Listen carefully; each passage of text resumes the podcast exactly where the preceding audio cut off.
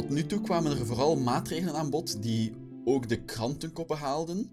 Zijn er maatregelen in het plan die je zelf meer in de kijker wil zetten, die voorlopig nog een beetje onderbelicht zijn? Ik wil toch wel even als econoom even een commentaar geven op het feit dat er terugverdieneffecten in het plan zitten. Dat wordt vaak dan onthaald op heel scamper uh, commentaar van ja, terugverdieneffecten, dat is toch gebakken lucht. Ja, enerzijds moeten we toegeven dat er in het verleden te gemakkelijk en te genereus gerekend werd op terugverdieneffecten. Dus dat is inderdaad een risico dat politici een bepaalde hervorming voorstellen en die eigenlijk aannemelijk of aanvaardbaarder proberen te maken door te veronderstellen dat er heel veel terugverdieneffecten zijn.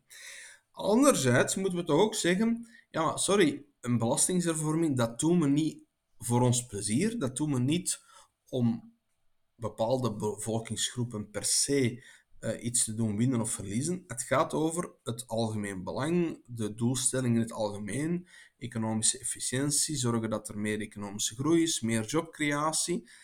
En als dat de doelstellingen zijn, dan is het ook wel essentieel dat er terugverdieneffecten zijn.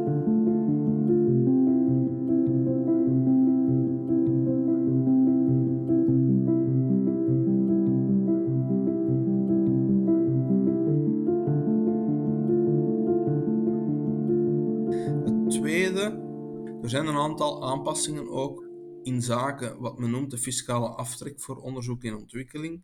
Uh, wel, ik vind dat heel normaal dat die aan bod komen. Hè. Dus men probeert daar toch iets zuiniger mee om te springen in de fiscale behandeling. En ja, dat is toch wel in lijn met onderzoek dat wij hebben gerealiseerd.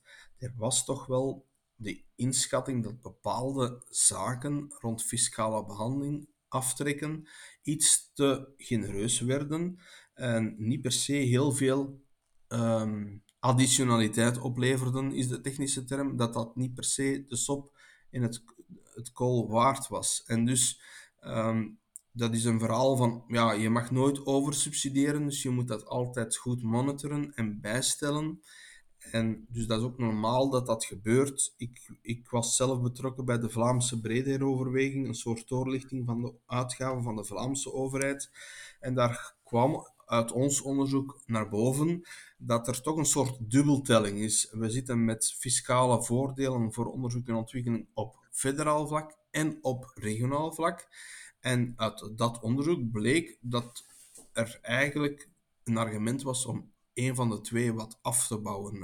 En het, accent te leggen eerder op het regionale en dan de fiscaliteit minder ehm, ja, kostelijk te maken op dat vlak voor de gemeenschap. Iets wat me zelf opviel in het plan was de nadruk op de vereenvoudiging, de automatisering, de digitalisering die er ook wel in zit. Heel expliciet met 70 belastingscodes in de personenbelasting die zouden geschrapt worden. Codes die door nauwelijks iemand worden gebruikt. Maar ook heel veel voor burgers minder relevante, maar voor ondernemers heel relevante vereenvoudigingen en automatiseringen. Ja, nu, rond die automatisering moeten we altijd afwachten, want dat is al veel aangekondigd. En op dat vlak is niet iets wat aangekondigd wordt per se ook een verschil op het terrein qua vereenvoudiging. Dus laten we dat vooral opvolgen. Nu, wat die codes, het aantal codes op de belastingbrief betreft, ja, ben ik toch eigenlijk een beetje persoonlijk tevreden. Want dat was een heel expliciete aanbeveling in mijn boek, waarin ik zei: maak de doorlichting, bekijk, analyseer welke belastingscodes eigenlijk nauwelijks gebruikt worden en durf die dan gewoon te schrappen.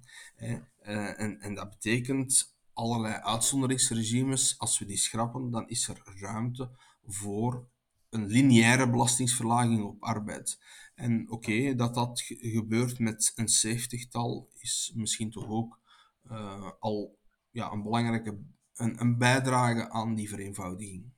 Breder gezegd moeten we altijd gewoon evalueren. En dus dat is ook mijn basisaanbeveling naar elke nieuwe legislatuur. Dus um, stel u voor dat we een nieuwe, na verkiezingen een nieuw parlement hebben en dat dat uh, gewoon heel de codex, niet alleen van fiscale aftrekken, maar ook van subsidies zou ik heel graag hebben, uh, doorlicht uh, en op cruciale punten waar onzekerheid is, uh, expertise inroept, experten via hoorzittingen en dergelijke, en dan tot een politieke keuze maakt van ja, ehm, elke doelstelling, elke maatregel die geld kost, die moet toch getoetst worden aan zijn effectiviteit.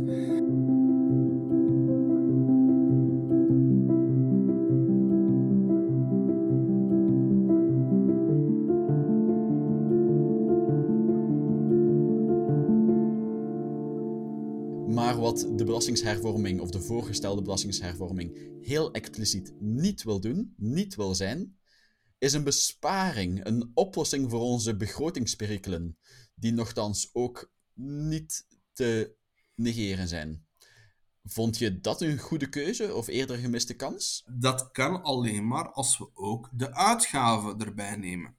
En um, natuurlijk vertrekken we op dit moment met een handicap, namelijk de rekening is niet in evenwicht. We zitten met rode cijfers.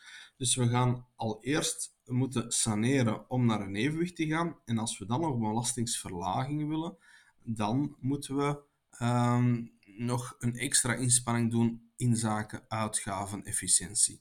Maar ik kan alleen maar zeggen, ehm, met al het werk dat we bij het doen, rond denken ook aan de verantwoordingsdag en het debat over de kerntaken van de overheid, dat daar veel marge is. We hebben allemaal wel intenties rond bijvoorbeeld prestatiebegroting.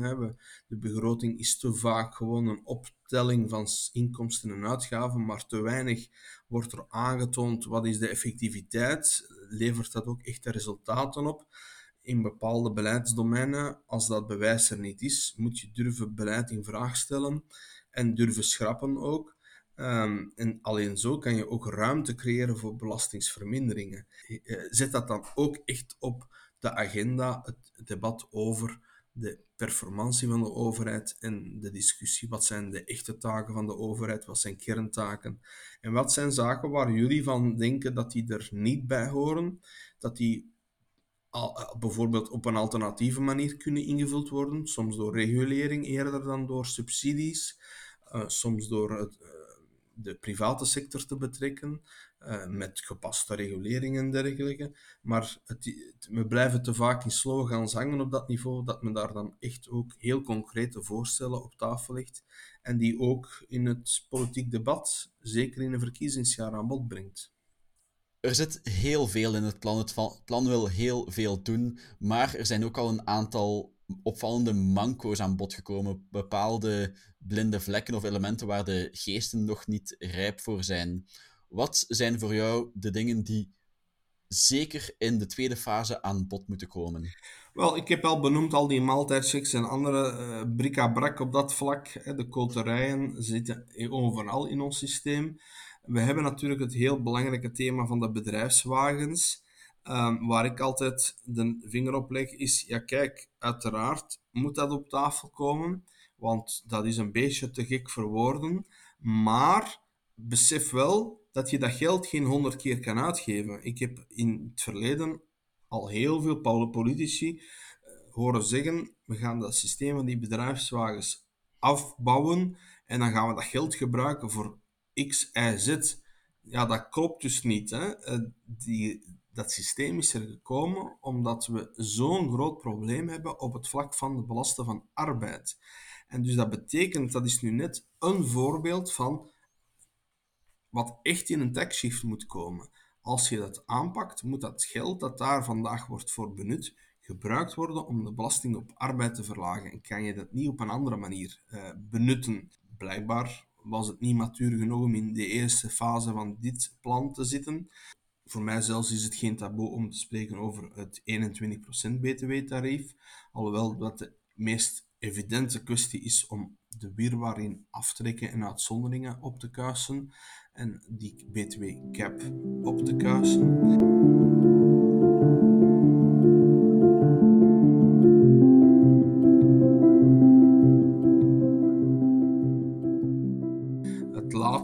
Grote taboe is natuurlijk de huurinkomsten. Um, de piste om via reële huurinkomsten te werken eerder dan via forfaitaire. Um, maar iedereen beseft dat dat ook alleen maar kan als er heel veel begeleidende ingrepen gebeuren, want dat zou voor bepaalde groepen wel heel omvangrijk zijn. Dat is voor sommigen hun, hun echte pensioen. En als je daaraan komt, is de vraag van hoe gaan de mensen die daar vandaag op rekenen dan alternatief voor hun oude dag moeten kunnen zorgen. En dus uh, de kwestie is bijvoorbeeld ook rond kadastraal inkomens, een systeem dat zijn tijd gehad heeft. Wat in je boek ook wel nog aan bod kwam, is de fiscale stabiliteit. Want aangezien dat het als een eerste fase wordt beschreven, lijkt me dat sowieso per definitie onstabiel. Meer zelfs in deze eerste fase wordt expliciet gewacht gemaakt, in het kader van de effectenbelastingen dan, dat deze maatregel er komt in afwachting van de uitwerking van een evenredige belasting op vermogenswinsten. Dat moet een doelstelling zijn, fiscale stabiliteit, ook rechtszekerheid. Het feit dat er in twee fasen zou gewerkt worden, één voor de verkiezing en één na de verkiezing, kan genoemd worden als um, een voorbeeld van gebrek aan stabiliteit. Uh, het belangrijkste is dat er perspectief wordt geboden van we gaan uh, er nu toch echt wel werk van maken. Als dat dan in twee fasen gebeurt die snel op elkaar volgen, is dat misschien de kortste weg naar, ja, laten we hopen, een periode van wat ik altijd genoemd heb, twee legislaturen waarin we fiscale stabiliteit kunnen garanderen. Dus um, als, als dat zou bewaarheid kunnen worden, een fiscale, dit fiscaal pakket voor de verkiezingen, een tweede vlak na verkiezingen, en dan twee legislaturen uh, stabiliteit, ja, dan, uh, dan uh, denk ik dat we al een hele stap verder zijn. Dat lijkt me een heel mooie noot om op te eindigen. Een waardevolle eerste stap, maar met een heel duidelijke verwachting. Er moet nog iets komen en de kiezer moet zich daarover uitspreken. Bedankt Ivan voor die slotboodschap en bedankt ook aan onze luisteraars om er weer bij te zijn. Ik was Simon Giotto en samen met Ivan van de Kloot hadden we het vandaag over de fiscale hervorming